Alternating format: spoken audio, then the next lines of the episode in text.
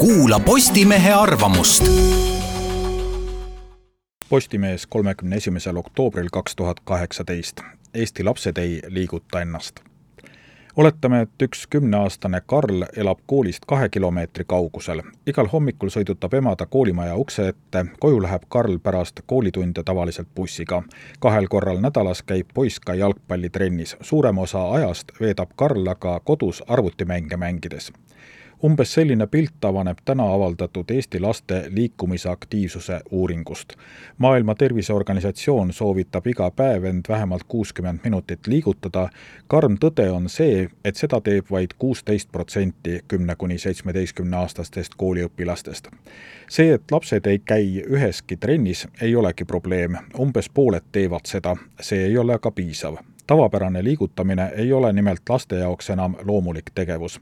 jala või rattaga käib koolis vaid kolmandik, õues mängib või veedab niisama aega alla kahekümne protsendi lastest ja noortest.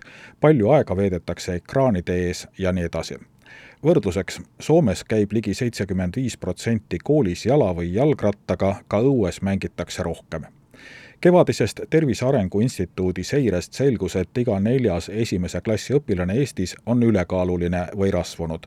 see on suurel määral just vähese liikumise teene. olukord, kus ligi veerand lastest tarib endaga iga päev kaasas aga lisakilosid, vajab sekkumist meil on koolis küll kohustuslikud kehalise kasvatuse tunnid, õues liikumine on vahetundide ajal lubatud aga vaid pooltes koolides.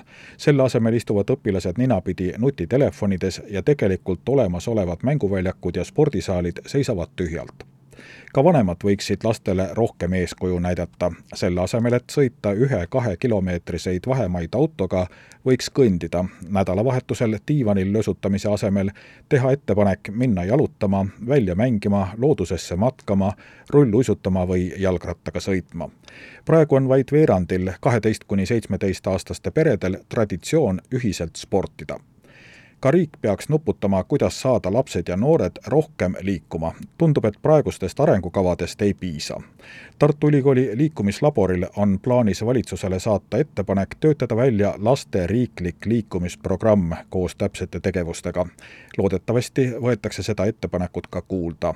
ka taskukohastest või tasuta trennidest oleks kahtlemata kasu Öelda teismelisele, kes võib juba ülekaaluline olla, kuule, käi rohkem jala, suure tõenäosusega pole sellest kasu.